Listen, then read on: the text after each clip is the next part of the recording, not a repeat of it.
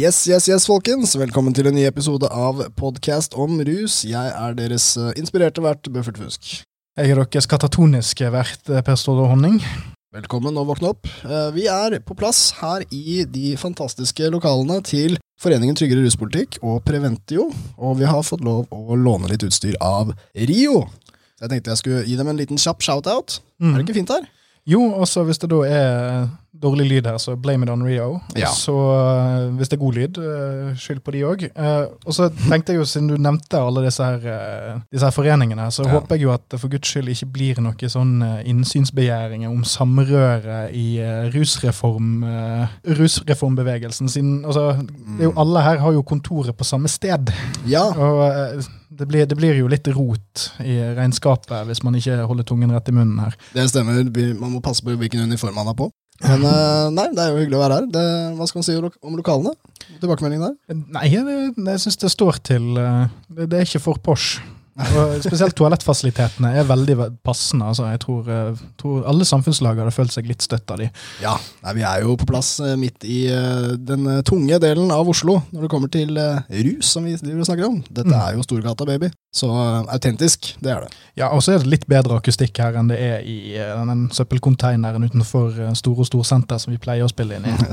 Så, Oh yeah. Men vi har en treat, og nå liker jeg å tenke sånn Å, nå skal vi overraske lytteren, men det står jo sikkert på tittelen de har trykka på når de gikk inn her. ja, men så jeg pleier å si vi, det, er jo, det er jo veldig inkluderende, da. For det, hvis folk er døve eller demente, Ja. så har vi, kan vi på en måte si det i podkasten òg, sånn at de ikke blir forvirret. Mhm. Og her kommer overraskelsen til våre blinde lyttere. Mm. Uh, vi har med oss en gjest i dag. Vi har vært så heldige å få et, et skup. Lov å kalle det et skup. Uh, Det er lov, men det er litt kleint. Ja, det, er- det er- ligger lista litt der, da. Ja. En sånn klein list.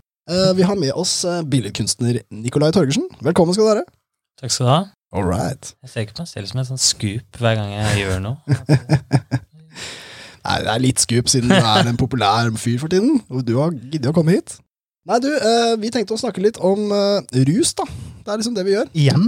Ja, vet du hva. Vi tar på oss rusbrillene og, og glor litt på Nico.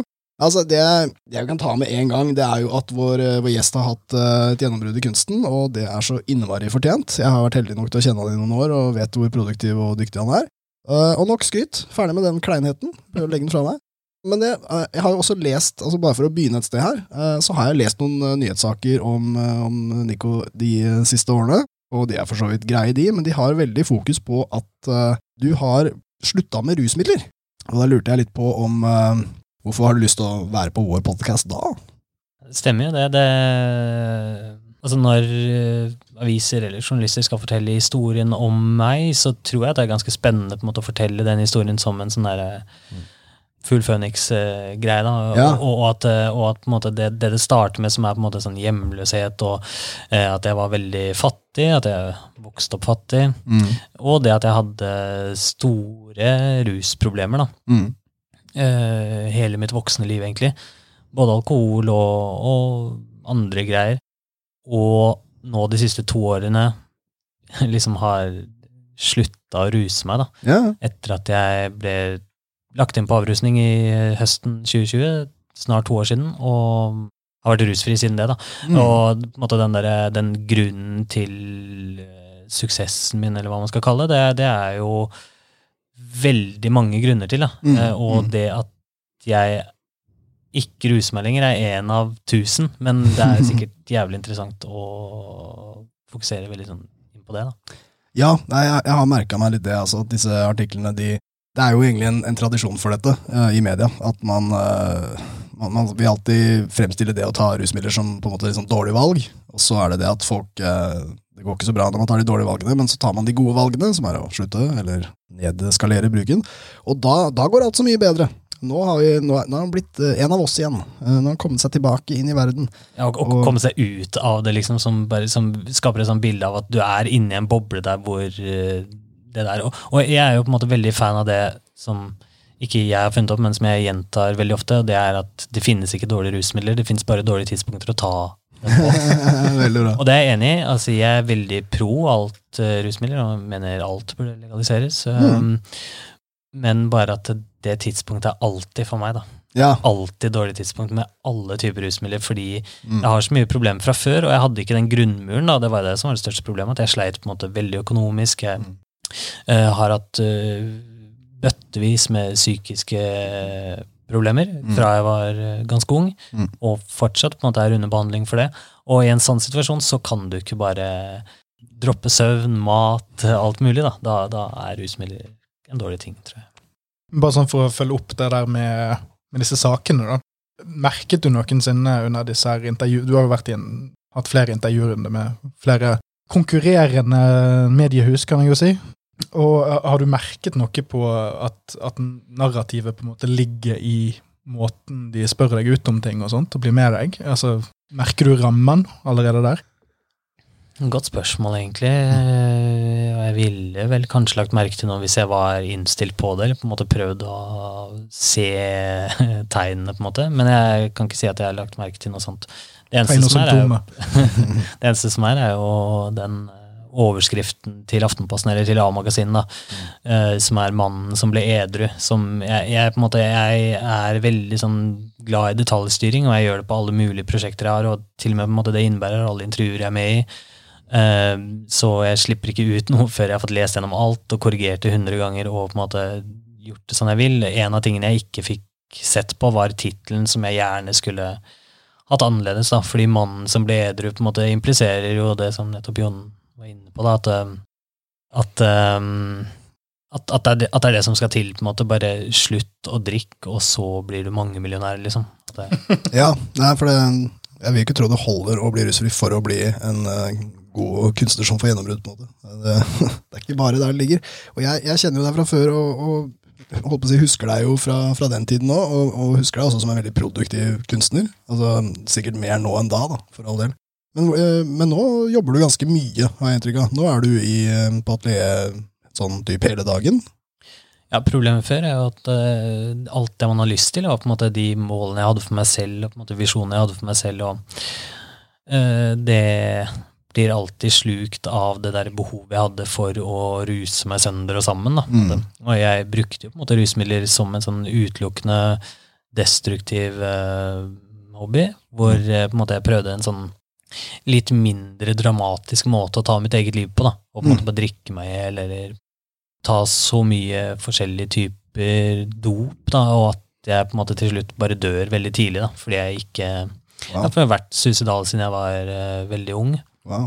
skjønner. Uh, uh, men, men på en måte der jeg kan Jeg visste jo ikke at det fantes noe annet enn dette heller, fordi avhengigheten min var så jævlig sterk da, på ja, i store deler av livet mitt. Men da jeg på en måte klarte meg uten, og det gikk an, og så, så får man jo måte det overskuddet til å bruke tiden sin på Ja, ja. de tingene jeg ville. Ja, absolutt. Og det, er, altså det, det media er veldig interessert i, og du nevnte også Fugl Føniks, altså man reiser seg fra asken. De er alltid veldig opptatt av eh, håper, litt sånn som religiøse, faktisk, er veldig opptatt av et der Mm. vendepunkt. Altså at du, og da endret alt seg. Uh, men jeg lurte litt på, på det, hvis vi kunne ta den biten. Altså er det, er det noen form for vendepunkt? Du var på avrusning, og så på et eller annet punkt så løsna det, sånn at du faktisk sluttet med alt. Og det er ikke sånn, Jeg kan jo ofte være skeptisk til denne cold turkey-strategien, som jeg har snakka litt sånn dritt om før, for det kan medføre litt mye lidelse for enkelte, og nedtrapping kan kanskje være bedre. Men du drev ikke med noen nedtrapping, det var litt sånn stoppe med det hele. Ja, og så kom det på en måte på et punkt hvor jeg var så syk at Altså, det som skjer, da, sånn kort fortalt, er jo at jeg hadde vært våken i to-tre to, døgn og, og på en måte bare sånn ekstremt blandingsrusa av alt mulig, Amfetamin, mm. kokain, alkohol og MDMA.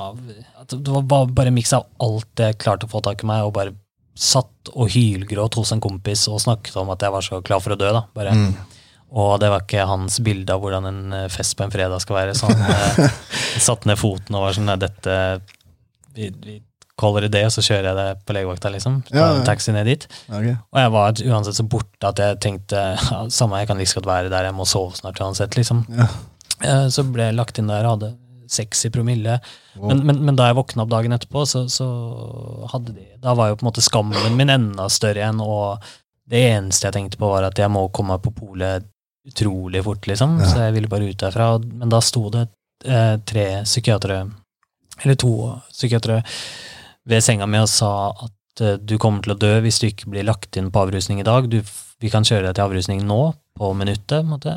Vi kan ikke tvinge deg, men vi kommer til å stå her til du sier ja. da. Så jeg sa nei i mange timer, på en måte, mens jeg bare gråt og ville ha vodka, liksom. Og så til slutt så var jeg så dårlig at jeg tenkte bare at uh, jeg bare sier ja fordi de har garantert noe beroligende medisiner Mm. der som jeg kan få, da. Så jeg Ja. tenkte egentlig bare på liksom, dopskapet oppå avrusninga. At jeg tenkte det, jeg må ha noen piller eller et eller annet. Så, Ja. eh, men eh, etter syv dager på avrusningen der, så slapp de meg ut, og så har jeg ikke drukket siden det, eller tatt Ja. noe, da. Nei, det er fantastisk, altså. Jeg, var, jeg er veldig glad for det. Jeg var, var redd for det en periode. Det er veldig fint at det, at det gikk sånn, men det, det fremstår også litt sånn mirakuløst. Jeg mener, Det må jo ha skjedd noe mentalt. kan jeg bare hoppe inn med et spørsmål da? Fordi sånn Ut ifra det jeg husker sånn fra disse artiklene jeg har lest, så har du beskrevet det litt sånn at du Altså, du, du er jo en eh, oppegående person på mer enn én måte. Altså, når du, når du er oppi det der, så virker det jo som om at altså, alle sånne selvmordstanker og sånt er jo ofte rasjonalisert fra personen sin side. Sant? Man kan ha veldig gjennomtenkte, i hermetegn, gode grunner til å gjøre det ene og det andre. Som er det som gjør at alle personer er utsatt for det. Sant? For at det, ikke, det handler ikke om intelligens, det handler om hvordan sinnet ditt er bygd opp. Sant? Så jeg lurer på det, altså, Når du da kommer ut derifra, er det da et sånt øyeblikk av at du har fått pusterom? Altså at, at på en måte de, de samme delene av hjernen som vanligvis liksom sitter og, og gnager, har fått liksom pustet lenge nok med magen til å ta andre valg? Eller er det, eller var, det, var, det, var det noe hardere lut inni der som var i sjøen? Det, er, det, det er jo naturligvis bare mange faktorer, som er alt annet. Og på, en måte, det, det jeg tror, da, er at eh, som, som, eh, som Buffett er inne på, liksom med, sånn med en sånn derre At det høres mirakuløst ut, da, så, så tenker jeg at hvis statistikken er at én av ti som kommer inn på en avrusning, også klarer å holde seg rusfri, uansett hva det betyr, Mm. så kan det hende at jeg også bare er en av ti, men at jeg akkurat fikk den ene gangen på første forsøk. på måte, At jeg kunne prøvd ti ganger til og ikke klart det. Mm. Uh, Det er jo en av grunnene til at jeg nå føler at det kanskje ville vært helt trygt å drikke igjen, men jeg har ikke lyst til å gjøre det, for det er ikke sikkert det er så lett å slutte andre gangen. da. Mm. Um, men når du beskriver liksom hvordan det føles å gå ut derfra, og om det var en slags åpenbaring, eller noe, så vil jeg heller si at Jeg har ikke liksom nøyaktig tall på det, men jeg er nesten helt sikker på at jeg aldri har vært en uke edru fra jeg ble 20 år gammel. da. Så for første gang i mitt liv, første gang i mitt voksne liv, så hadde jeg gått én uke, liksom syv dager edru. Mm. Og jeg trigger veldig på sånn derre liksom kryssa i boka-type greier. da. At liksom ah, ok, hvis jeg spiser åtte brødskiver, da kan jeg spise ni. liksom, Eller bare pushe det. Og liksom bare gå for de ekstreme variantene hele tiden. Ja. Og på en måte for meg så kjennes det ut som at dette er livsviktig medisin for meg, alkohol. Jeg klarer ikke å puste uten. altså Jeg klarer ikke å puste uten.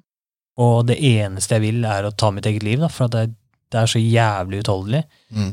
Så for meg så var det nesten sånn spennende å bare se faen, klarer jeg åtte dager med det her? på en måte. Ja. Jeg hadde ingen tro på at jeg skulle slutte.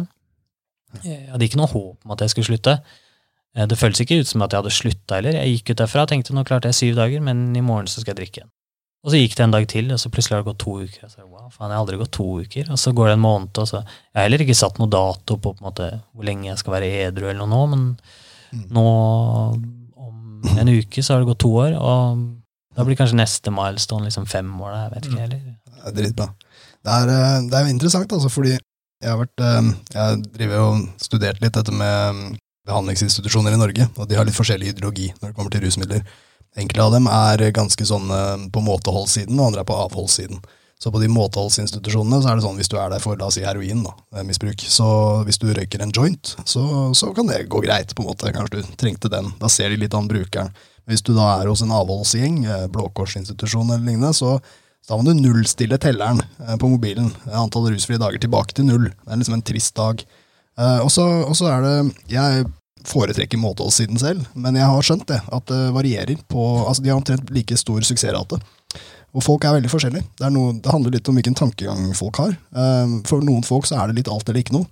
Og jeg vet ikke hva du tenker om det. Altså, det vært eh, Er det mer effektivt sånn som du har gjort det, enn å, enn å trappe ned? Eller altså Nei, altså Uansett så tror jeg man alltid kan slå fast med at uh, det som funker for en person, funker ikke for en annen nødvendigvis. Mm.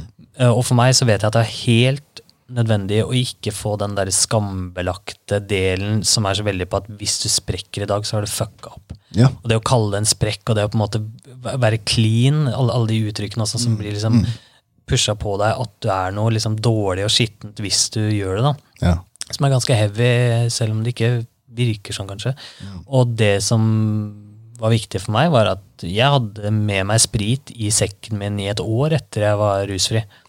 Eh, som jeg hadde sånn hvis, hvis jeg blir dårlig i dag, så drikker jeg bare. Det er, noe, det er ingenting som skjer, da bare drikker jeg, og så starter jeg igjen i morgen. Så prøver jeg ikke. Og så kommer jeg til å være ærlig med psykologen min om det, og på en måte alt, og de var klare på at hvis du føler at du må det, så gjør det, men Ja. vit at du ikke du har ikke ødelagt for alltid, liksom. Det er Nei. bare, Det er viktig. og det er det, da. altså Jeg støtter veldig mye mer den derre måtehold-delen. Fordi jeg hadde i hvert fall aldri klart å slutte helt hvis noen hadde sagt til meg det fins ikke alkohol lenger i verden. Punktum. Sånn. Mm. Nå må du klare deg. Da hadde jeg tatt mitt eget liv. da. Å ja, fuck. Ja. Jeg, må- jeg, måtte, jeg måtte ha den fallskjermen der og vite at faen, jeg har tilgang til medisinen min hvis det skulle bli så ille. Og så har man den tryggheten der, da, istedenfor. ja visst. Men det der er jo ganske interessant, det du nevner med sprekk og sånt. Kanskje nettopp fordi samfunnet har liksom en sånn inngrodd greie med det der at hvis du har vært kjip i andres øyne, altså du har forbrutt deg på et eller annet slags vis før, og så har du på en måte gått denne, gått denne kanossagangen for å bli en del av fellesskapet igjen, Mm. om det er gjennom rusavhengighet, eller om det er vold eller krim eller hva enn. Og så gjør du en av disse gamle blødmene dine, eller går tilbake igjen en gang, så er det på en måte reaksjonen fra mange, mange rundt deg er å nei, nå er du den du var, Mm. istedenfor at nå er du en, den nye versjonen av deg sjøl som gjorde en, en ting du ikke pleier. Og det er jo selvfølgelig veldig komplekst, for at, som du var inne på, altså folk er jo forskjellige, sant? så det er jo noen folk som, som kanskje er skrudd sammen på en sånn måte at de bør ikke, men det vet de bare sjøl.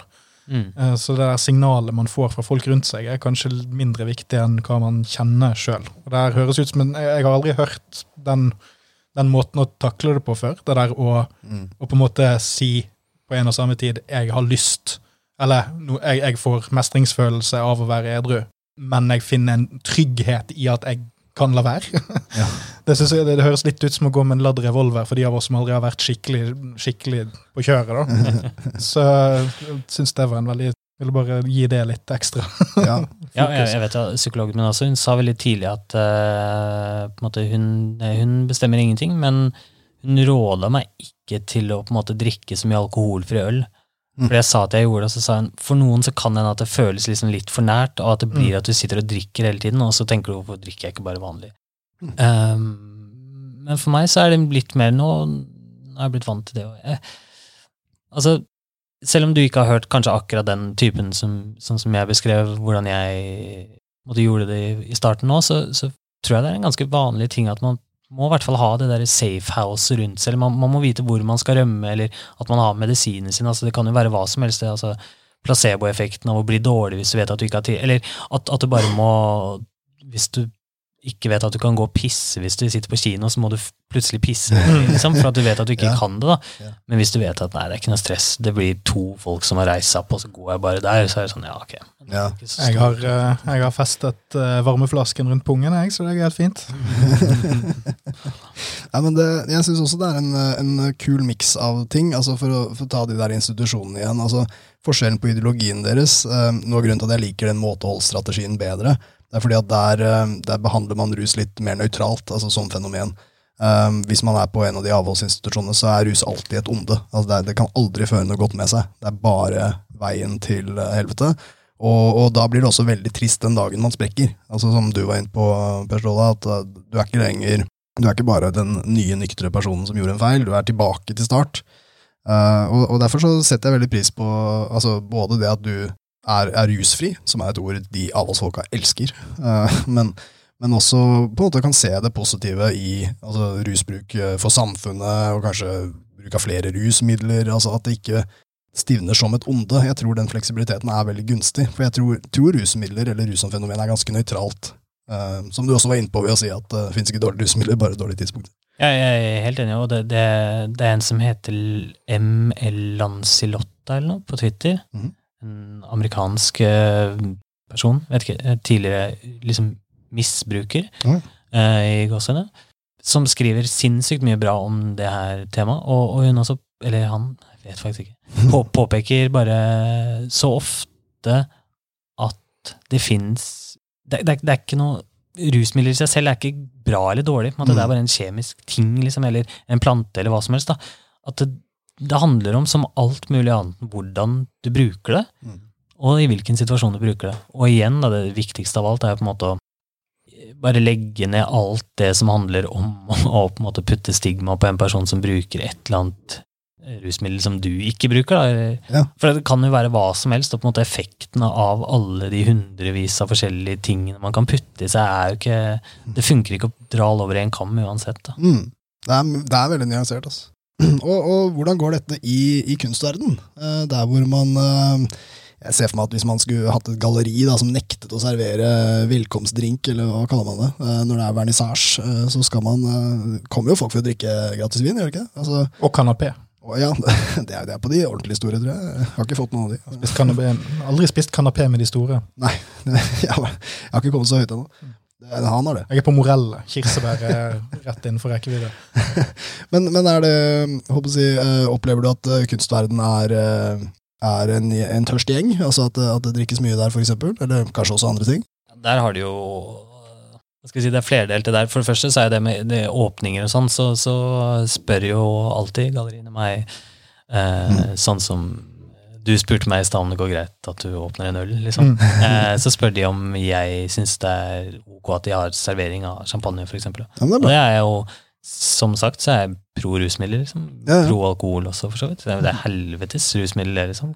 Knekker livet ut av meg, men det betyr ikke at ikke andre kan Nei, hva... gjøre hva, faen de vil. Da. Ja.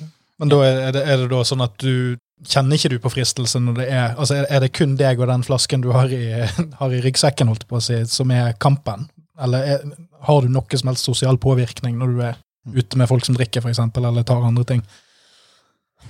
Hva skal jeg si? Jeg Altså Jeg vet med meg selv hva det gjør med meg, da. Mm. Jeg blir så inn i helvete lei meg og mister all lyst til alt mulig, da. Og jeg klarer ikke å se to meter framfor meg med en gang jeg får i meg noe som helst. Mm. Eh, for det, er, det bare blusser opp måte, i alle traumer jeg har, og alt av lidelse jeg har i meg. Da. Så, mm, så måte uansett hvor mye det frister, så har jeg alltid måte, Og det, dette kommer jo fra noe som er jævlig viktig oppi det hele her, er bare at man må lære seg hva ting er. på en måte, Hvorfor er jeg avhengig? på en måte, Hva er det som har gjort at jeg bruker rusmidler eh, som en flukt fra virkeligheten? Og så, så, så fort jeg på en måte eh, lærer eller Jo mer jeg lærer om det, jo mer skjønner jeg på en måte hva problemene mine går ut på også. da, Og, og på en måte at uh, Greit, det kan friste med det her, men det, det, er, det er et valg jeg må ta. liksom, Det er positive og negative sider ved alt. Og det er positive og negative sider ved å være edru, det er positive og negative sider ved å drikke. da. Mm. Uh, og for meg så veier på en måte det å være edru tyngre nå, da. Fordi sånn som jeg lever livet mitt nå, så får jeg gjort det jeg har aller mest lyst til å gjøre, og hatt mest lyst til å gjøre i hele livet, og det er måte produsere ting og vise det i stor skala og på stor scene. da. Så når vi først da er sånn at eh, ikke spørsmålet mitt fører oss vekk fra det med kunst. Mm. Det du nevnte nå, er jo det at du er mye mer produktiv nå. Sant? Og du har mer kontroll på hverdagen din. Og sånn. Eh, og så syns jeg jeg leste at du er, du er den yngste siden 70-tallet som ble tatt inn på var det høstutstillingen. Ja, det må være piss. Eh, Det, det, det, men det blir gjentatt så mange ganger at til slutt folk er begynner å referere referere. Nå refererer du til NRK, på en måte, men NRK refererte til noe annet. Og så det er, er Du var i hvert fall ganske ung. Jeg var ikke så sykt ung, på en måte. Jeg var 20. Jo, jo, men er ikke det ganske ungt? Greit, liksom. Jeg, jeg tror, ja. Jo, men eh, sånn, så For min del så var det, det liksom 20-årene dine gikk med til dette selvdestruksjonsprosjektet. Og så virker det på at, at du nå har fått en oppsving etter at du ble nykter. Eh, og da hadde jeg bare lyst til å trekke inn noe med sånn rus og kreativitet. Fordi det er ofte en sånn uh, opplest og vedtatt sånn litt sånn uh, klein sannhet at altså all, alle store menn og, og kvinner og, og intersex uh, Det å nippe til whisky eller vin og skrive eller gjøre ting, det, det, det løsner kreativiteten. da. Eh, fordi at det demper eller det, det styrker deler av følelsesspekteret ditt. sant? Altså det er sånn, du, du, du slapper mer av på noen ting, og da, kan du slippe deg mer løs. Men det er ikke det at det kommer inn det kommer jo ikke inn noe via jointen eller via coken eller hva enn. Det er jo bare det at det, du er deg sjøl på en litt annen måte. Eh, men det du beskriver, er jo det litt motsatte. At kreativiteten din ble snevret inn av dette her. Eh, eller, eller, i hvert fall at du ikke har vært så produktiv som du vil. Så jeg bare lurte på å sette deg litt i gang på, ja, det, hadde, det temaet. Det, det hadde vært så deilig hvis jeg klarer å komme til bunnpoenget mitt nå i min egen, min eget resonnement uten å begynne å greine ut i digresjoner. Fordi det var egentlig det jeg begynte på da, da jeg fikk spørsmål om det gallerigreiene. Fordi det er jo også den, der, den sinnssyke romantiseringa av på en måte en sånn håpløs idiot-taper som bare sitter og maler eller skriver og bare drikker og bare ah, røyker og er bare sånn drittforfatning, da. Mm. Eh, det er på en måte den drømmen. Men det er veldig mange som måte lever den nå etter drømme og skal være ok, men vi bor i Paris, og skal vi mm. bare drikke, og så det er liksom Det det handler om, er at gallerier vil ikke jobbe med deg. Fordi de er avhengig av å tjene penger, og at du skal komme og du skal levere til det og det tidspunktet, og det skal være mm. struktur. da. Hvis du er den beste i hele verden, så går det greit, liksom. Men det er ingen som vil samarbeide med en, liksom, en medioker fyr som ikke leverer, og ikke er mulig å holde styr på. Eh, I tillegg til at sånn som folk snakker om kreativitet, altså, så syns jeg ikke det henger på greip. Og for meg så handler kunst om livet mitt, og jeg trenger ikke noe inspirasjon utenfra. Jeg trenger ikke å tilføre noen ting, jeg trenger ikke å sitte og få ideer. altså Jeg har alt her og nå med hva jeg har opplevd tidligere. da. Det gjelder bare å liksom bruke kunsten som et eller annet verktøy for å fiske ut alle de erfaringene jeg har, og på en måte prøve å konkretisere det. da.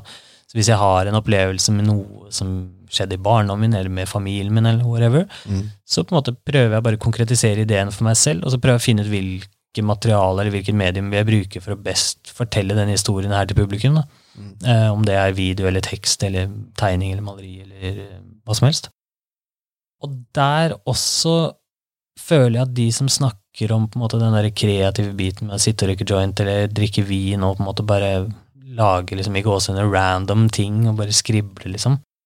Det er noe helt annet. Altså, jeg driver og jobber, på en måte. Mm. Det er, ja. det er heavy work, liksom. Mm. Altså, jeg jobber hardere enn alle jeg kjenner, nesten, og det, det, er ikke det er ikke noe som foregår på en måte i et sånn alternativt drømmeunivers som foregår helt på siden av verden, da, hvor jeg bare er i en sånn boble hvor alt er sus og dus, og det er deilig å bare stå og tegne.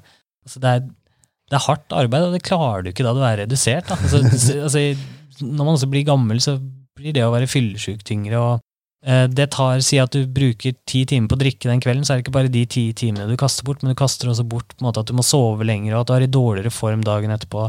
Det handler mer om bare liksom, hva er jeg villig til å ofre for at jeg skal ligge der jeg blir 90 år og tenke faen, jeg gjorde mitt beste, og jeg klarte faen meg å vise for meg selv hva jeg hadde i meg. Og akkurat nå syns jeg det er verdt å ofre det å ha et sosialt liv, det å, det å ikke være like komfortabel i alle settinger, for det er utvilsomt. altså Rus gjør mye godt, og det gjorde jævlig mye godt med meg òg, liksom. Det er, det er, ikke verdt det akkurat nå, da. Nei, jeg skjønner.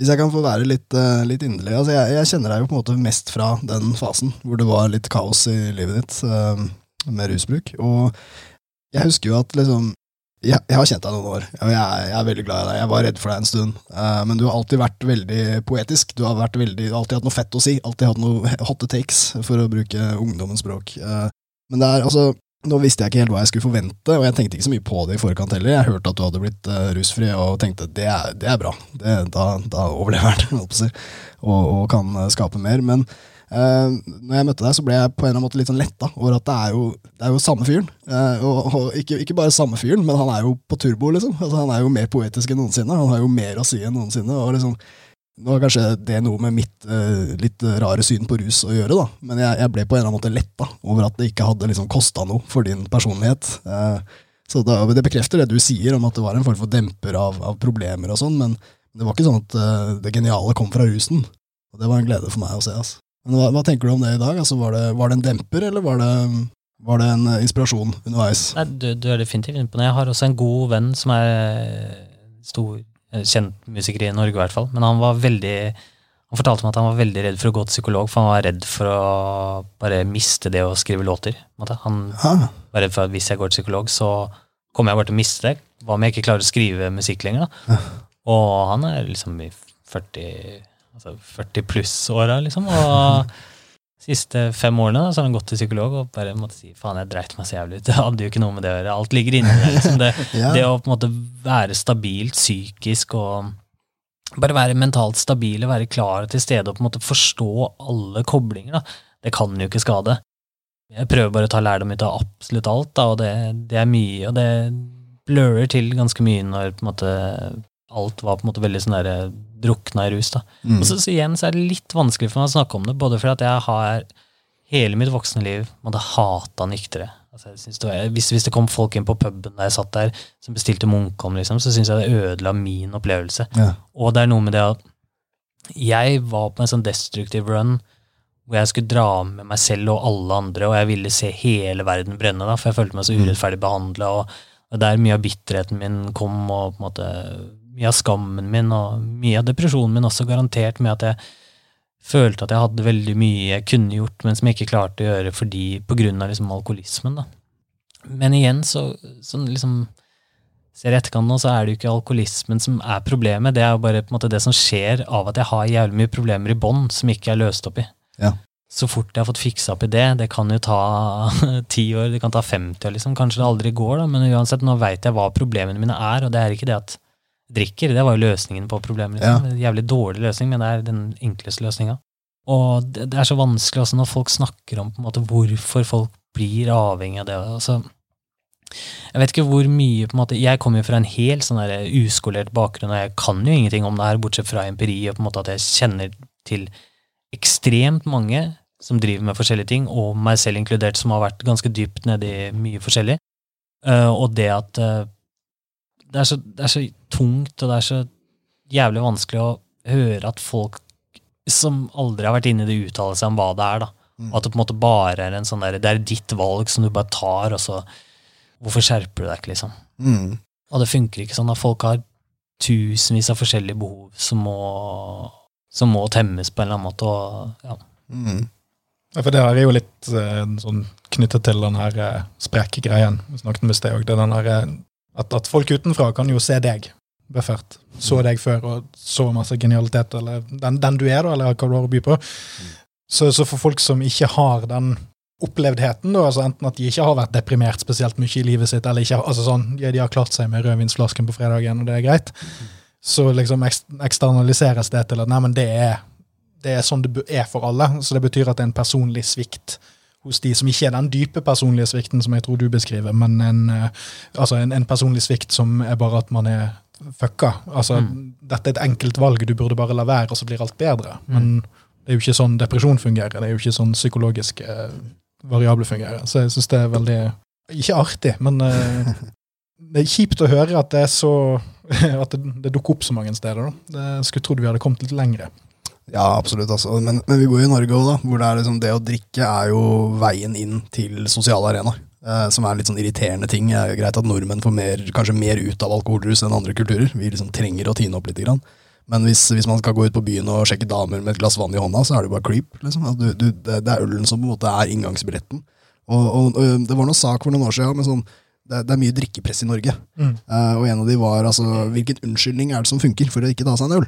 Og da fant eh, en eller annen forsker ut at det er, liksom, det er bare å være gravid. Det er, det er bare Jeg, jeg, jeg sier det alltid, for det er veldig mange venner av meg også som har vært sånn Ok, det, det du har gjort de to siste årene, Nico, bra. Jeg, hva skal jeg gjøre? Hvordan kan jeg kutte ned på greiene mine? Liksom? De skjønner at det er problematisk.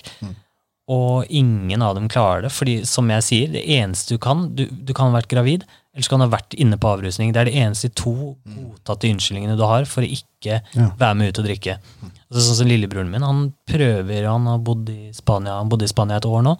Og på en måte bodde i et slags kollektiv hvor de jobba sammen, og så var de sammen på kveldstid. Og han drakk ikke det siste halvåret, og det var altså, helt umulig for han. Det var hver eneste kveld så blir det samme peset med Nei, kom igjen, ikke gidd, nå blir du med, liksom. Ikke vær så jævlig vrang. Bare bli med. Én pils, kom igjen hele tiden.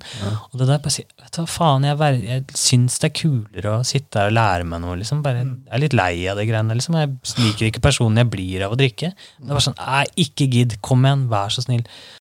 Og det der, eh, altså jeg får jo ikke noe sånn i det hele tatt. Eh, Selvfølgelig et par-tre idioter som mener at jeg bare burde feire og feste over det, men Ja. eh, alle godtar veldig at jeg har slutta, da. Og det er fordi man har vært inne på avrusning og gravid. Det er de to eneste. Ja. Kan jeg lansere en tredje? Altså, bare sånn ljug? Det er bare at Faren min slo meg i fylla. Oi, ja.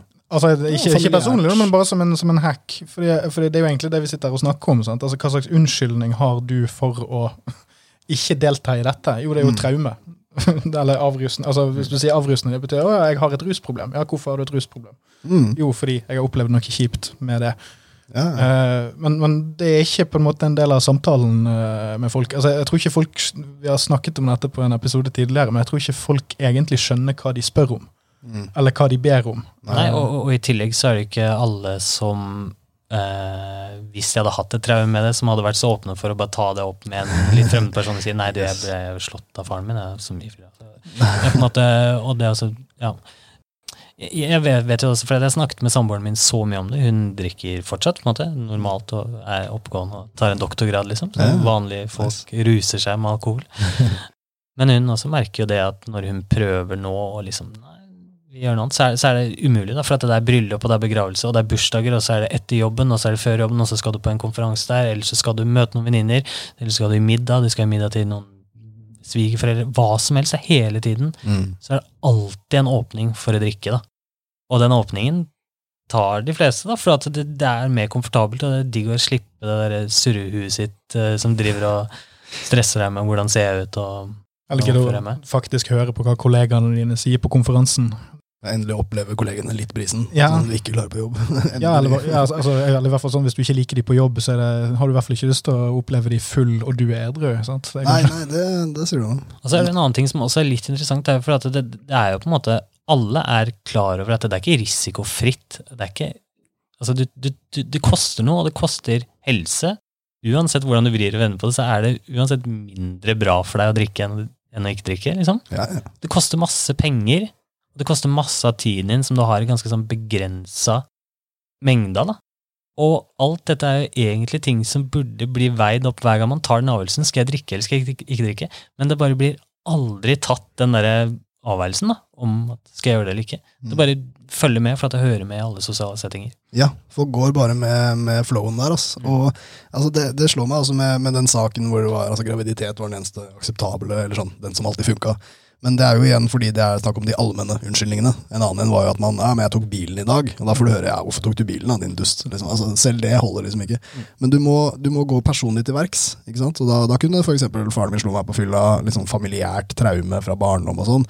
Da Hvis du tør å slenge den på bordet, så, så kanskje det hjelper litt. Men det folk egentlig har lyst til å si, er jo bare sånn ja, men det funker ikke for meg. Fordi Jeg har ikke lyst i dag. Er ikke det på en måte nok? Men da må man, eh, som du nevner, hvis du har vært på avrusning f.eks., da, da tror de deg. Når du sier det funker ikke for meg, fordi jeg var på avrusning. Å, ok, den er god, liksom. Men ellers så blir du kanskje møtt med en litt sånn der, er du sikker på at det ikke funker for deg? Og det, det er sterkt drikkepress, altså. Men det, Ja, også- de prøver så å overtale for, for eksempel samboeren min, hun vil jo ikke, hun vil jo ikke se venninnene sine noe mindre. Men hun har ikke det behovet for å drikke, da.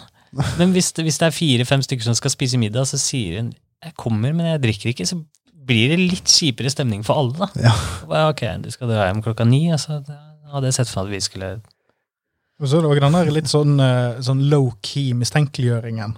Altså sånn, Når noen slutter å drikke sosialt, Mm. så ligger det jo litt under der når folk spør at sånn Har du et eh, problem? Altså, er du egentlig, er du egentlig litt på Prøver du å kutte ned litt? sant? Eller er du, det er jo litt weird, for det er jo nettopp den typen ting som driver folk til å drikke mer. da. Fordi at det er sånn, å ja, Har du et problem? Har du et problem? Ja. Ja, Kanskje hvis jeg drikker, så slutter de å spørre. sant? Ja, altså, Har du et problem fordi du ikke drikker? Det er en ganske fascinerende type innstilling. Så heftig kan den normen være. liksom. Mm. Ja, men Folk som ikke har problemer, de drikker jo. Mm. Så hvis du ikke drikker, da må det være en som har problem. Men det er jo, det, er- det høres ut som det går dritbra hvis du, hvis du har fleksibilitet og velger å ja, bare ta en alkoholfri helg. Er det, er, er ikke det bra, da? Så du blir jo møtt med en slags sånn Nei, det, det var kjipt gjort da. Mm. Nå skulle vi ha det gøy, liksom. Og da, da, er det, da innrømmer vi alle sammen at vi er litt stusslige. Fordi vi, vi skulle jo egentlig fått til det her uten. Eller sånn, vi, vi var jo barn en gang, vi hadde det gøy før vi begynte å drikke. Altså det, og nå, nå må vi, ellers så blir det ikke gøy. Men, men igjen så er jeg litt sånn Både fordi at jeg har hatt sånn der, jeg- faktisk sånn hat mot øh, folk som var edru før, da. Så, så er det litt sånn at jeg kjenner på det da vi prater om det nå også, at jeg, jeg, jeg vil ikke være noe sånn Jeg vil ikke være noe advocate for, for rusfrihet heller. Altså, fuck it, hvis du vil det, men vit at det har en pris, og vit at det ikke er og vite at det faktisk er et bevisst valg, da. Ja. Eh, og at alkohol ikke nødvendigvis er det beste rusmiddelet for deg heller. Da. Det er en annen ting. eh, og at for alle de liksom, som pusher på det her i alle sosiale settinger, så finnes det en stor del av de som ville reagert med å støte ut folk hvis de hadde på en måte blitt tilbudt eh, kokain istedenfor. Mm. Ja, ja, ja, Som, som i mine øyne er det et fantastisk rusmiddel, liksom. Det er bra, altså. Men der, der kan du se, altså, sånn, det er bare på alkohol hvor du kan si sånn, kom igjen, nei, ikke vær kjip. Altså, hvis du begynner å gjøre det med kokain, Hvis- så hvis- ja, hvis, kjempe- linje. Så hvis vi sagt han faen veit du hvor farlig det er? Liksom? Ja, det har aldri brydd seg om det før. Nei. Vet du hvor dyrt det er? Nei, jeg har ikke noe å si, det. Vi betaler. Jeg spleiser, spleis vi legger, liksom. ja. Det er det. Det, det er liksom ingen, mens for alt det andre så er liksom ja, faen, det er, vet du hvor farlig det er? ja, ja. Plutselig er det et argument som aldri blir brukt. Da. Nei, folk vet ikke eksempel at alkohol er en av de, noe som øker risikoen for de fleste krefttyper. At det er en av de store kreftskaperne i samfunnet. Det er sånn folk vet ikke. Det er en ganske sånn her kjent, som som kommet i flere former sikkert, men en sånn her eh, hvor skadelig på en måte de forskjellige rusmidlene er Mm. eh, både på seg selv og på samfunnet, hvor alkohol scorer jo definitivt høyest av alt. Ja. Og sånn som barn så, så mener jeg at eh, så trodde jo jeg at heroin var det aller mest skadelige. Det var på en måte det jeg hadde på toppen. Mm. Det var på en måte Prøver du det en gang, så er du basically dau. Da kan du bare gi opp og bare gjøre det. Eh, Nest under der så trodde jeg kokain. Det var andreplass. Det var sånn, Du er helt fucked hvis du begynner med kokain. og det er liksom greia. Og det ville jeg jo basically også bare fortsatt å trodd hvis jeg aldri hadde prøvd det selv. da. Ja. Og så finner du ut at ah, ja, men dette er jo ikke, det er jo ikke så farlig. Nei. Det er ikke noe mer altså, Greit nok, altså, jeg har gjort det i ti år, og da jeg ble skrevet ut, og de testa meg i huet og ræva og blodprøver og sjekka leveren min og nyrene mine og sånn, alt er fint. Ja, så bra. Og det handler om genetikk, og det handler om tilfeldigheter, og det handler om veldig mye annet enn sånn der, dette, Det er ikke som at det der ødelegger deg for alltid, liksom. Det bare, du, kan, du kan gjøre det med måtehold som alt annet. Da. Det der bildet Mm. jeg hadde på ulovlige rusmidler da jeg var barn, det, det stemmer jo ikke overens i det hele tatt. Og Nei. Rart om den personen på en måte skulle fortsatt å prate nå og hatt sterke meninger, liksom. For, Et par av de i Arbeiderpartiet akkurat nå, tror jeg. ja, ikke sant. Ja, ja, ja, klart. Men det er interessant det der med det, det presset og sånn òg, altså, for det i um, eh, jeg håper å si, bildet av narkotikakulturen for de som står utenfor den, eh, som da sikkert eh, drikker alkohol, som egentlig gjør det og det. Det er jo liksom sånn eh, Den første er gratis, og liksom tar jeg trekka. Liksom. Det hadde vært morsomt å være på en annen coffeeshop i Amsterdam, og så kommer en annen fremmed person og prøver å få deg til å røyke cannabis. Altså, det, det er egentlig en veldig sånn alkoholgreie. De projiserer på en måte dette på, på de andre rusbrukerne. De er sikkert sånn som oss. De, de driver også tyne vennene sine til å ta drugs, sånn som vi gjør med alkohol. Ja, og jeg lurer litt på om, på måte, om det er fordi at man underbevisst også vet at dette er skadelig. Altså alkoholen. Jeg, jeg kommer til å få en dårlig dag i morgen. Jeg kaster bort tid og penger her, på en måte. sånn sett. At, at, eh, sånn, men da skal jeg i hvert fall ikke gjøre det alene. Jeg skal dra med meg noen i det dragsuget her. Ja, Sånn at jeg ikke ligger og er klein på søndag alene. Og det er en grunn til at man på en måte har sosialt aksepterte dager å drikke på seg. For at det er greit, nå tar vi oss en pause, folkens. Nå slapper vi av på søndagen, og så, så kommer vi oss opp igjen på mandag, men vi slapper av litt på søndagen, ok? for vi skal litt ut og herje på lørdag, liksom. um, men faen er det som har lagd de reglene? Liksom? kommer fra den derre kristenskam og sånn. altså Søndag er hviledagen, vet du, men du skal også øh, gjøre bot. altså Du skal, du skal gjøre feil, og så skal du angre, og så skal du bli et bedre menneske, og det skjer på mandag. Men vi, vi driver jo og snakker veldig mye om alkoholkultur her, og det virker jo litt som at det har vært huben for din del òg oppi alt dette her, selv om du beskriver åndbruk og sånn. Og så er det jo òg det at alkohol er jo en av de rusmidlene med desidert mest hangover. Gjerne i kombinasjon, altså så Hvis du har brukt et eller annet annet stoff mens du var på fylla, så får du en kombinert double whammy med hva enn du har mistet. Mens det er jo mange stoffer på denne listen vi har nevnt i forbifarten her, som er vesentlig eh, mindre seriøse i time-wasting, for eksempel. Mm. Dagen, Som- dagen derpå, for Som eksempel. kokain. Ja, og MDMA og hasj og mye annet. Hvis du, hvis du ikke kombinerer det med alkohol. Ja, jeg synes på en måte Speed er den som skal måle seg i hvor ræva man føler seg etterpå. uh, og så, så er det jo også den klassiske Jeg, jeg vet ikke helt hvor mytebasert det er, men det kan hende at kanskje dere kan om det, men det med MDMA også at man, man får en downer etterpå fordi man tømmes for serotonin, dopamin, det greiene der. Mm. At det har noe Men Mye mindre hvis du ikke kombinerer det med alkohol. Ja. Ekstremt mye mindre. Eh, det, du har sitert eh, forskning på det før. Ja, Befert. stemmer. Det var, eh, det var blant annet Når vi snakka om dette med sånn Wednesday blues Ja, shit. at, Den episoden har jeg hørt. Jeg prøvde å forklare det til noen uten at jeg klarte å beskrive det. Ja, nei, det var vel kanskje på rusmiddelklassen vi snakka om det. Ja, Eh, men Den at, jævla norske rusmiddelklassen. Ja, men at det, er, det er en greie i kulturen i England at du får dårlig service fordi, på, på onsdag, eller hvilken dag det nå er, fordi folk har tatt dem av helgen, alle Mm. servicearbeiderne. Eh, og så var det forskere på vår konferanse som, uh, som sa at uh, nei, vi, vi ser det ikke i forskningen. Vi ser det ikke når vi gir folk den reneste MDMA-en og vi gir dem masse av det, og de bare de rapporterer at det går så fint neste uke. Ja, og jeg, og jeg mistenker jo at den, den anekdoten der bare kommer av at folk hater jo livet mest på onsdager. Ja. Generelt. Ja, det er den kjipeste fuckings dagen i uken. Tirsdag og onsdag liksom var en av de. Ja, Lille lørdag, Ja, men prøvde du å kalle den. Tirsdag da begynner du å gå litt lei av mandagen, sant? men onsdag onsdag er en jævla ikke-dag. Ja. Vi burde bare avskaffe den. Ja, I hvert fall i den der eh, få helga til å telle-tankegangen som kulturen vår preges av. Mm. Det er jo midt imellom helgene. Uff. Men, men jeg har tatt altså, jeg, jeg har jo ikke antall, men det er i hvert fall altså, tusenvis av ganger har jeg brukt forskjellige typer ting. Da.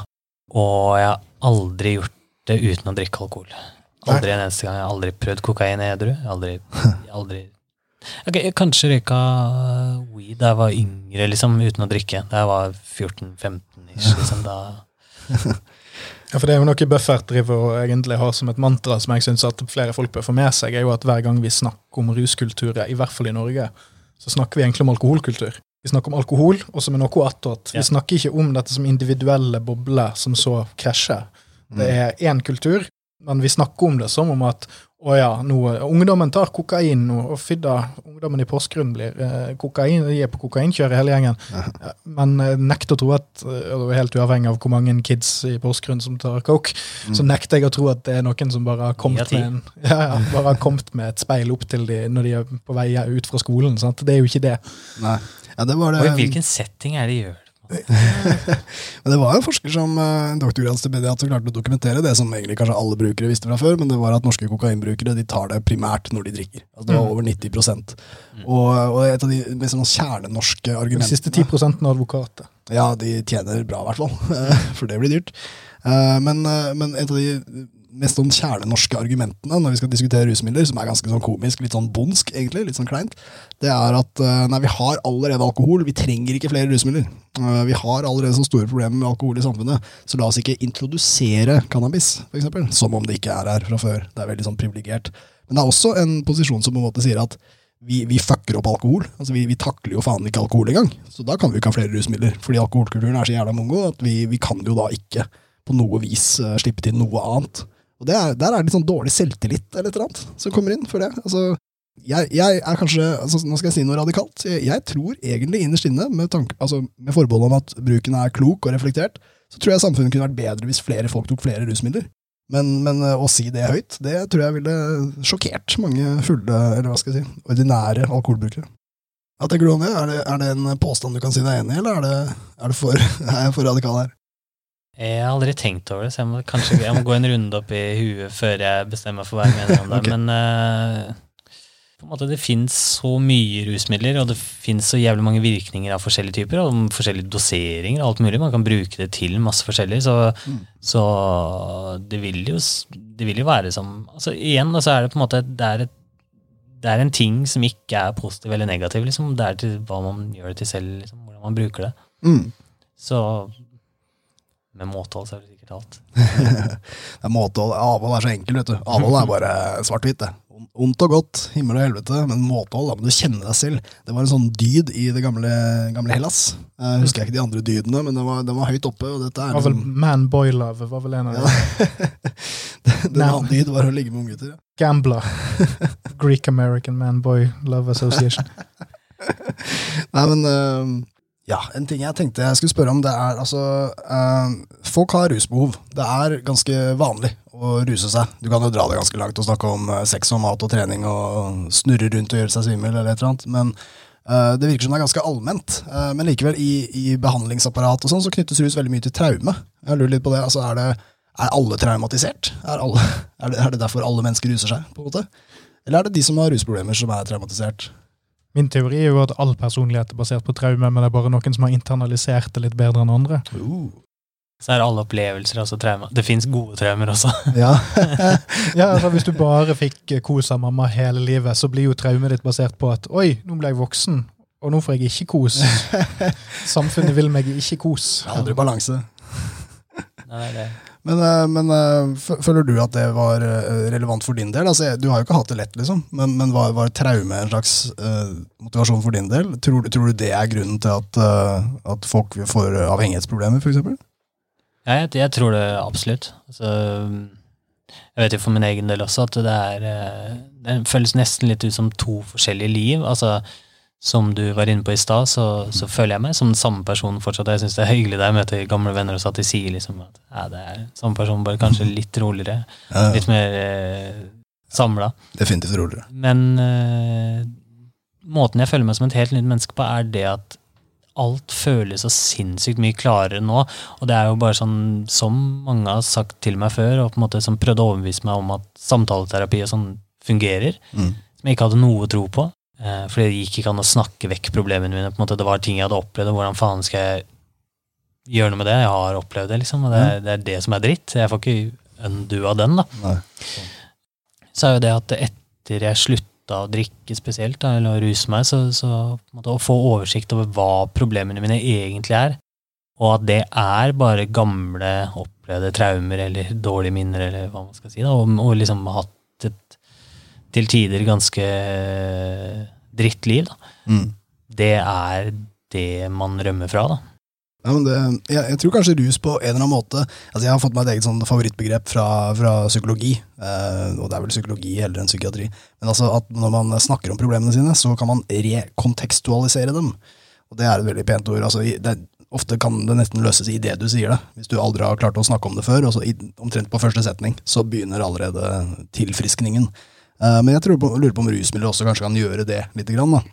Kanskje ikke på en like effektiv måte, jeg har mer tro på terapi for å få ting løst. Men, eh, men at man rekontekstualiserer og på en måte gjør det levelig for seg selv. Eh, Når folk tar altså Snakke om de som står på plata, f.eks. Det er ikke tilfeldig hvem som står der. Hvis man tar morfinstoffer, sånn som heroin, så, så blir det ganske stille i hodet. Og hvis du er en som ikke har hatt så mye traumer, så kan det kanskje være litt sånn kjedelig. Altså, det, er ikke, det er ikke så veldig givende som en rusform, trolig. Det har jeg hørt flere si. Men, men hvis man alltid har det vondt, alltid lever i et uh, mentalt smertehelvete, så, så appellerer det. Altså, da er det endelig en pause. Liksom. Den en, endelige friheten også, den, den kjente jeg på selv på en måte med eh, mitt sånn virkelighets, rømme fra virkeligheten-opplegg som jeg holdt på med. da. Mm. Uh, men det stemmer jo garantert, det. altså. Det, det, det, jeg, jeg, jeg vil jo nødig sitere forskning uten å ha forskningen foran meg. Jeg vet ikke hvem jeg kan referere til her heller. Jeg har den i fanget her, så bare snakk på mine vegne. okay. Jeg får ikke lov å se den så jeg får ikke sitert den. Men Uh, nei, det, det er bare fra en eller annen podkast. Jeg jeg lurer på om det var Tore Sagen sin podkast hvor de snakka om avhengighet, og, og da ble det nevnt at en eller annen forskning som viste, og igjen, jeg er ikke sikker på hvor, eh, hvor riktig det er, men da nevnte de at folk med barndomstraumer og folk med PTSD og CPTSD, PTSD, Mm. de hadde opptil i denne forskningen 50 ganger så stor sannsynlighet for å bli såkalte rusmisbrukere. da. Mm. Og så sier Tore Sagen å herregud, dobbelt så stor sjanse. Nei, nei, det er 50 ganger så stor sannsynlighet at du blir rusmisbruker hvis du har traumer fra barndommen. da. Ja. Og hvis du har opplevd omsorgssvikt, tror jeg faktisk var ordet som var konkret. Mm. Ja. Opplevd omsorgssvikt. Og da, Mm. det er det at det kommer på en måte mye folk derfra da, som ikke har noen annen måte å deale på. Og jeg, jeg vet jo nå at nå er det ganske lett for meg å på en måte, eh, på en måte se på det litt sånn kynisk og pragmatisk, og jeg har jo blitt på en måte et veldig sånn pragmatisk menneske som ikke er følelsesstyrt i det hele tatt, fordi rusen får ikke dratt i følelsene mine lenger. For jeg, får, jeg føler meg ikke dårlig, jeg føler meg ikke høy eller nede eller ingenting. da. Ja. Jeg bare, alt er en sånn kynisk, apatisk, pragmatisk. Hvordan, Hva er dette? Hvorfor? Altså jeg kan og jeg kan krangle med kjæresten min, og så sitter jeg og ikke sier noe på 30 sekunder. liksom, så er jeg bare, hva er det? Men, og da, da føler jeg altså det er, liksom, det er nesten urettferdig, for jeg, og jeg nesten ikke reagerer lenger. bare, nei, Hva er det som skjer her nå? Hvorfor? Hvorfor? Ok, jeg går tilbake. Okay. dette er det som er problemet. Og så bare si det. Å ja, nå skjønner jeg hva du tenker. Ja. Det er dette som er problemet ditt. Og bare være helt sånn der klinisk på det. Ja. Sånn klarte jeg ikke før. Så Nei. Derfor var alle problemene mine bare så høyt oppe i bevisstheten min, og det måtte dempes med rus. Veldig stilig. Men har du vært ute for eh, Har du vært ute for dette her i altså La oss si at du, du snakker med, med en venn eller et eller annet sånt. Hvis vi bare fjerner rus helt fra konteksten, da. Har du noen gang snakket med en person du føler du kjenner, og så tatt deg i at du aldri har tenkt på hvordan de tenker. Sånn versus dette med, altså hvis, hvis Mhm. man er tillært en måte å, å, å agere på sjøl, at man bare reagerer på andre mennesker som om at virkeligheten er objektiv på et eller annet slags vis, og ikke subjektiv. Eh, Har du merket noen forskjell der? Eh, fordi i en russituasjon så er jo ting veldig sånn ritualistisk. sant? Altså alle, vi snakket jo om det i sted. altså man, Mm. man ruser seg, og man er liksom i en sone. Men det der å være sånn 100 ærlig i møte med et annet menneske, da, både med seg sjøl og hva vedkommende sier, har du merket noen forskjell der? Ja, det syns jeg er ekstremt spennende. Um, jeg er litt usikker. Altså det, det, det jeg syns kan være litt vanskelig, er at ikke alle er bevisst på at selv om vi snakker på en måte norsk med hverandre, så snakker vi helt forskjellige språk, fordi det er så stort gap mellom hva man kan og ikke kan, og ikke, ikke sånn kan du hovedstaden i, i Moldova, liksom, men, men det er sånn jeg visste ikke de tingene jeg kan nå for to år siden, og derfor klarer jeg å prate om det, nå. derfor forstår jeg at problemene mine er noe helt annet enn det jeg trodde det var, og derfor klarer jeg å håndtere det. Også før klarte jeg ikke å håndtere det. Mm. Det, det er det som er litt vanskelig nå, at jeg kan prøve å nå igjennom, men så eh, Kanskje jeg ikke er pedagogisk nok, eller jeg vet ikke hva som er problemet, men jeg, men jeg føler at jeg, vi, vi, vi snakker ikke samme språk, og ja, det, det gjør litt vondt noen ganger òg, for så vidt. Det kan jeg skjønne. Men det er jo noe som folk beskriver litt på eh, spesielt psykedelika og sånt. Ja. At man kan sitte og snakke sammen en hel kveld, men merke at egentlig så har ikke man snakket om samme tingen. Man har sittet og egentlig ført to separate, eller det som føles som to separate eh, samtaler, men eh, fått noe ut av det likevel. Og så er jo da spørsmålet, er det sånn at de da har opplevd noe unikt der, eller er det bare det at du blir bevisst på at man snakker forbi hverandre i, i, som mennesker, da? Mm. Er jo- Verden oppsummert syns jeg bare handler om å se sammenhenger. Så øh, det ville vært ideelt på en måte to hyperintelligente personer sitter og snakker om to helt forskjellige ting, men i bunn og grunn så snakker de om det samme. Det ville vært kanskje maksimum, liksom. altså. Toppen av verden. Klarer å få et filmnarrativ, liksom. Hvis du klarer å drive det fram med to stykker som gjør vidt forskjellige ting, men det bunner i Det er nøyaktig likt. Det ville bra. Ja, ja.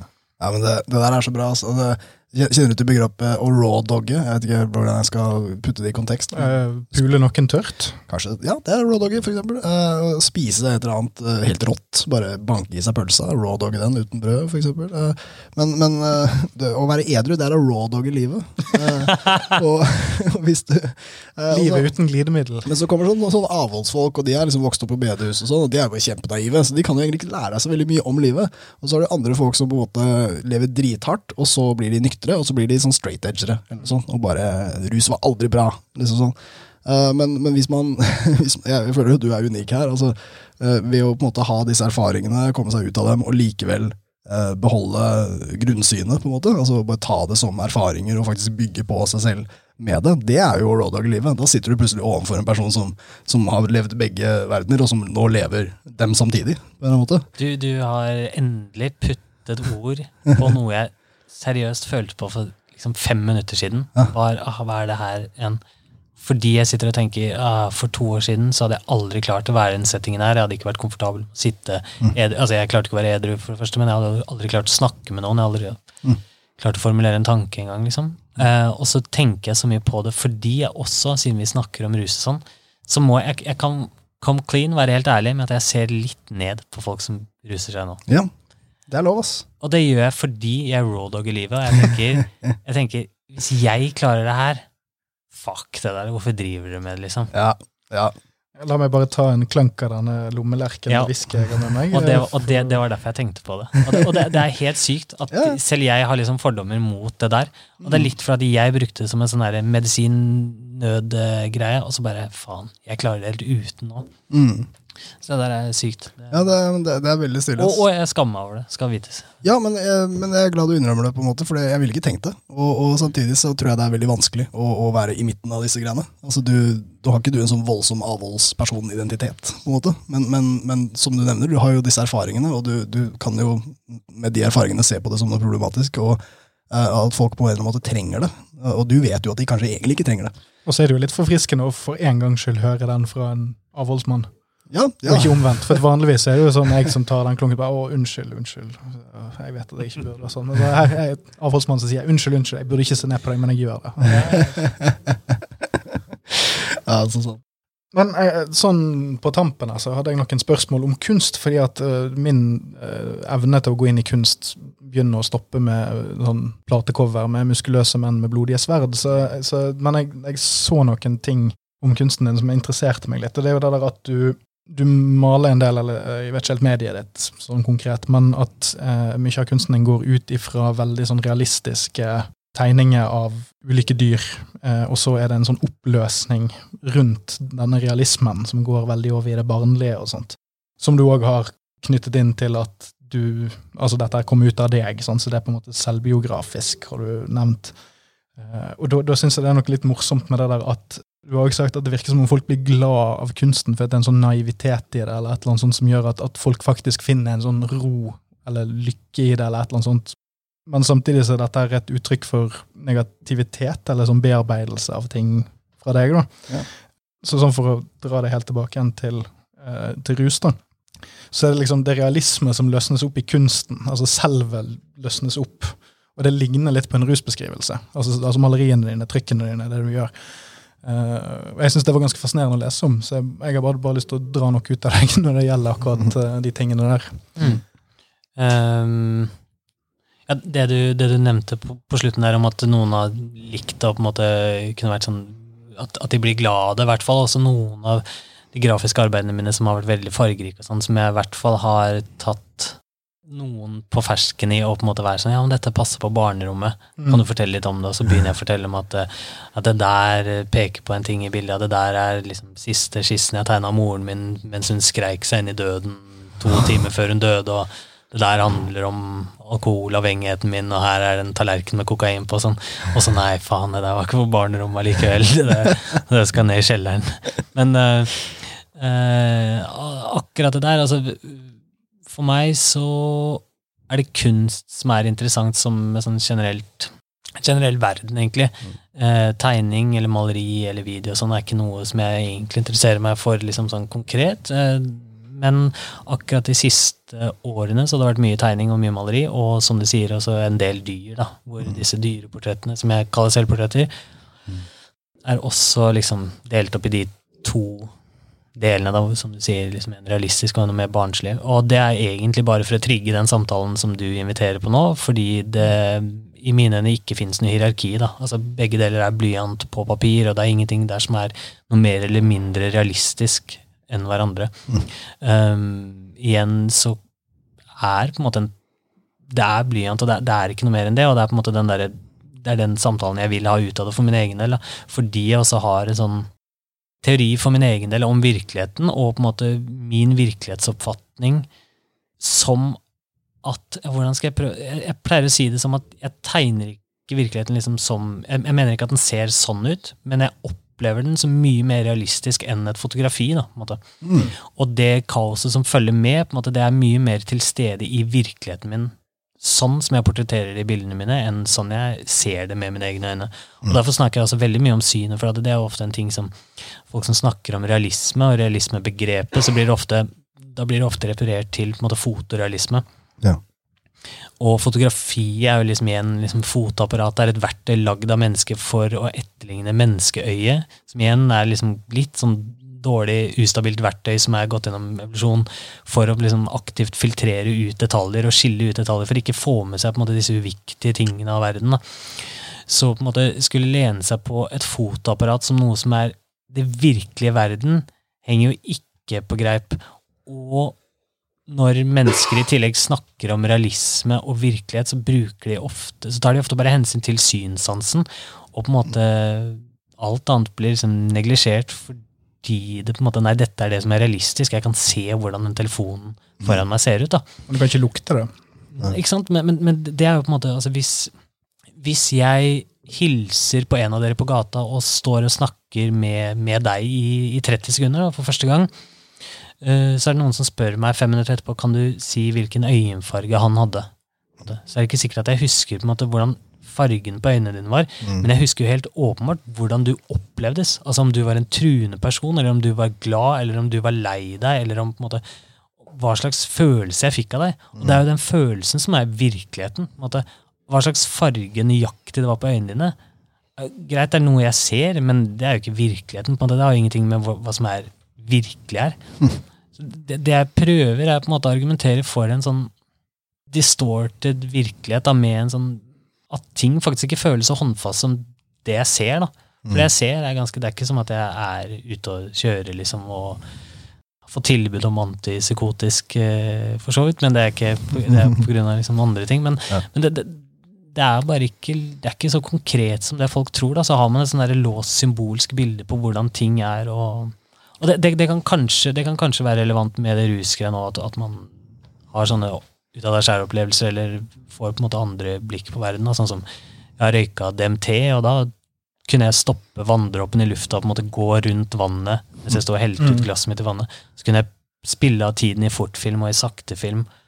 Og jeg var helt sikker på at ok, jeg, jeg må huske hvordan jeg skal ta med meg dette videre i edru.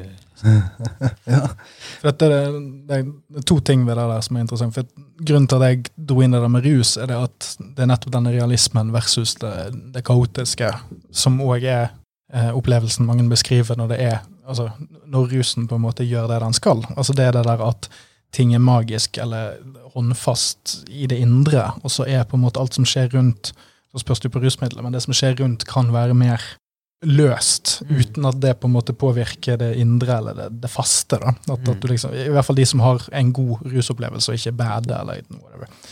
Uh, så, så det var tanken der. Men så det du beskriver der med møte på gaten uh, Jeg syns det der med fotografi er veldig artig. Og, altså, hvordan det, det objektive, det samfunnet på en måte er enig i at dette er beviset for sannhet, eller whatever Mm. hvordan det er forskjellig. For at du kan jo se for deg altså, at den gangen du møter samboeren din, kjæresten, konen, mannen din, eller noe sånt, første møte, sant? Det, det oppstår et eller annet ubeskrivelig. Eh, Kjærlighet ved første blikk. Ja, eller ikke for første blikk, men fascinasjon med første blikk. Sant? Det er mange forskjellige historier. Eh, sant? Så du får ha den historien som du forteller deg sjøl, og den, den går gjennom livet. på en måte. Men hvis du da om ti år så kommer det noen inn og sier sånn Hei, jeg tok et bilde av dere den første kvelden dere møtes. Her er det. Har du lyst til å se på det bildet? Eh, For, for jeg synes Det er litt det der, det var det jeg fikk litt ut av det du sa. altså det er sånn, Med en gang du ser på det bildet, så er det sånn Å ja, begge to er fucka sjuke. De ser ut som de er født på 80-tallet. De, de er litt lubne. Det er det der som var virkeligheten? Nei, var det det? på en måte? Ja. Nei, det, altså, Virkeligheten er noe man opplever, på en måte, ikke noe man ser. Synes jeg. Altså, så Derfor syns jeg ikke det henger på grep å snakke om ting som ser realistisk ut, kontra ting som bare er sånn barnslig naivt og ikke ser realistisk ut. Da. Fordi igjen, det er det Det hierarkiet fins ikke når det er blyant og papir eller på en måte eh, malingspigmenter på et lerret. Det, er- det er liksom det samme. men helt flat struktur. Ja, men Det der er genialt å høre fra en, fra en tross alt en visuell kunstner. Altså, men, men folk stoler veldig på den her visuelle sansen. Mm. Altså, vi, vi, som jeg nevnte, kjærlighet ved første blikk. Det er ikke kjærlighet ved første lukt. eller noe. Og Mm. Jeg tror det ikke før jeg ser det, sier folk. Jeg tror, jeg tror det ikke når jeg hører det. Jeg tror det ikke når jeg lukter det. Eh, men men jeg, jeg liker dette å, å, å sammenligne kunstverk med, med fotografi, som du gjør. Og, og, og igjen så bruker altså de, de For å kunstnerde litt, kanskje. Da, så liksom de store mesterne, da, på en måte sånn, hvis du snakker om Caravaggio eller hvem som helst, da, som er liksom kjent for å male perfekte malerier, så er jo det han gjør, er jo på en måte å ikke male noen detaljer i det hele tatt, eller noe, men han er så jævlig god at alle som ser det, tror at de ser på et liksom perfekt, detaljrikt Mm. bilde. da. Og et, et av maleriene jeg hadde med på forutstillingen jeg hadde nå, så, så, så er det altså det fins nesten ikke maling på lerretet, men prøver å legge minst mulig til at det holder for at folk skal se på det og si det der ligner på deg. Ja. Fordi det er noe som interesserer meg med det. Hvor lite kan jeg gi for, for å manipulere på en måte hjernen til folk, for at de skal selv plotte inn sin egen info og lese det som et ansikt. Ja. Fordi jeg sier ah, det, takk, det er du som gjør jobben. Bra jobba, liksom. Jeg, jeg har ikke gjort noen ting her. Det er, du, det er akkurat som å se en hund i skyene, liksom. Ja. Hjernen din jobber jævlig på lag hvis du bare gir noen liksom push i riktig retning. Gjør du det sosialt? Manipulere folk. Nei, ikke manipulere, men altså sånn, altså når man møtes en til en, så er det jo bare sånn Altså når man eh, snakker sammen, så velger man jo lagene man presenterer for seg sjøl. Og det er jo ingen som har mer kontroll over det enn en edru person. Ok, nei, jeg har ikke tenkt over det heller. Det var ikke meningen å put you on the spot. Det var mer Jo, ment men det er en bra ting, hvis du kan målbegynne en som skravler i 24 timer. Um, nei, jeg, jeg tror jo at jeg er ganske bevisst på hvilke sider jeg viser for andre, og på en måte hvordan jeg presenterer meg selv. Og det tror jeg også handler litt om eh, narre meg selv litt til å være den personen jeg vil være. Og også noe som egentlig går tilbake til også grunnen til at jeg kanskje var veldig bitter før, og sånn, for at jeg ikke levde helt opp til den personen jeg trodde jeg var. da. At det, at Mm. det, det liksom var liksom ikke helt samsvar mellom de to personlighetene som jeg i mine øyne hadde, og Mm. hva jeg viste utad. Nice. Yes, nei, men eh, Vi får nesten ta oss og runde av der. Tusen takk for at du kom, eh, Nikolai. Takk for en veldig kul og smart samtale, som jeg håper eh, folk eh, tar til seg og forstår, sånn som de burde ta litt ekstra i for å prøve å forstå kunst, kanskje.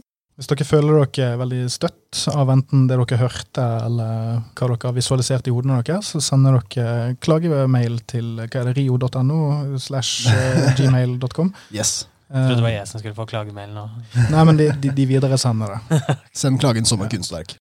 Ja, nei, men da, da sier vi det sånn, dere. Tusen takk eh, til vår gjest Nikolai. takk for at jeg fikk komme. Og tusen takk til deg, Per Ståle.